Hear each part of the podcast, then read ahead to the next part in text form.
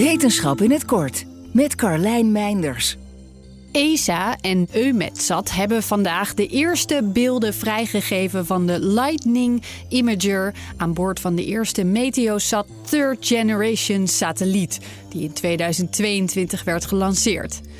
Het instrument kan continu snelle lichtflitsen detecteren in de atmosfeer van de aarde zowel overdag als s'nachts, vanaf een afstand van 36.000 kilometer.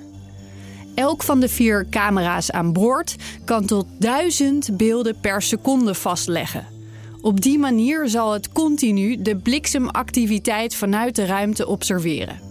Voor 84% van het aardoppervlak. De gegevens van de Lightning Imager zullen weersvoorspellers meer zekerheid geven bij hun voorspellingen van zware stormen. Vooral in afgelegen gebieden en boven de oceanen, waar de mogelijkheden voor bliksemdetectie beperkt zijn. Dit is onder andere voor de luchtvaartsector een belangrijke toevoeging. Ook moeten de data helpen bij het beter begrijpen van de gevolgen van dit soort weersfenomenen op klimaatverandering. Begin 2024 moeten de gegevens beschikbaar zijn met een verhoogde gevoeligheid. De satelliet waarop het instrument zit is de eerste van zes satellieten die samen de komende 20 jaar essentiële weersgegevens zullen gaan verzamelen in de ruimte.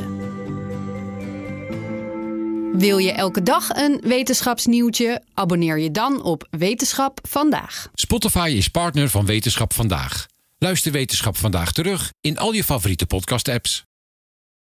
Ook Bas van Werven vind je in de BNR-app. Ja, je kunt live naar mij en Iwan luisteren tijdens de ochtendspits. Je krijgt een melding van Breaking News. En niet alleen onze podcast Ochtendnieuws, maar alle BNR-podcasts vind je in de app. Download nu de gratis BNR-app en blijf scherp.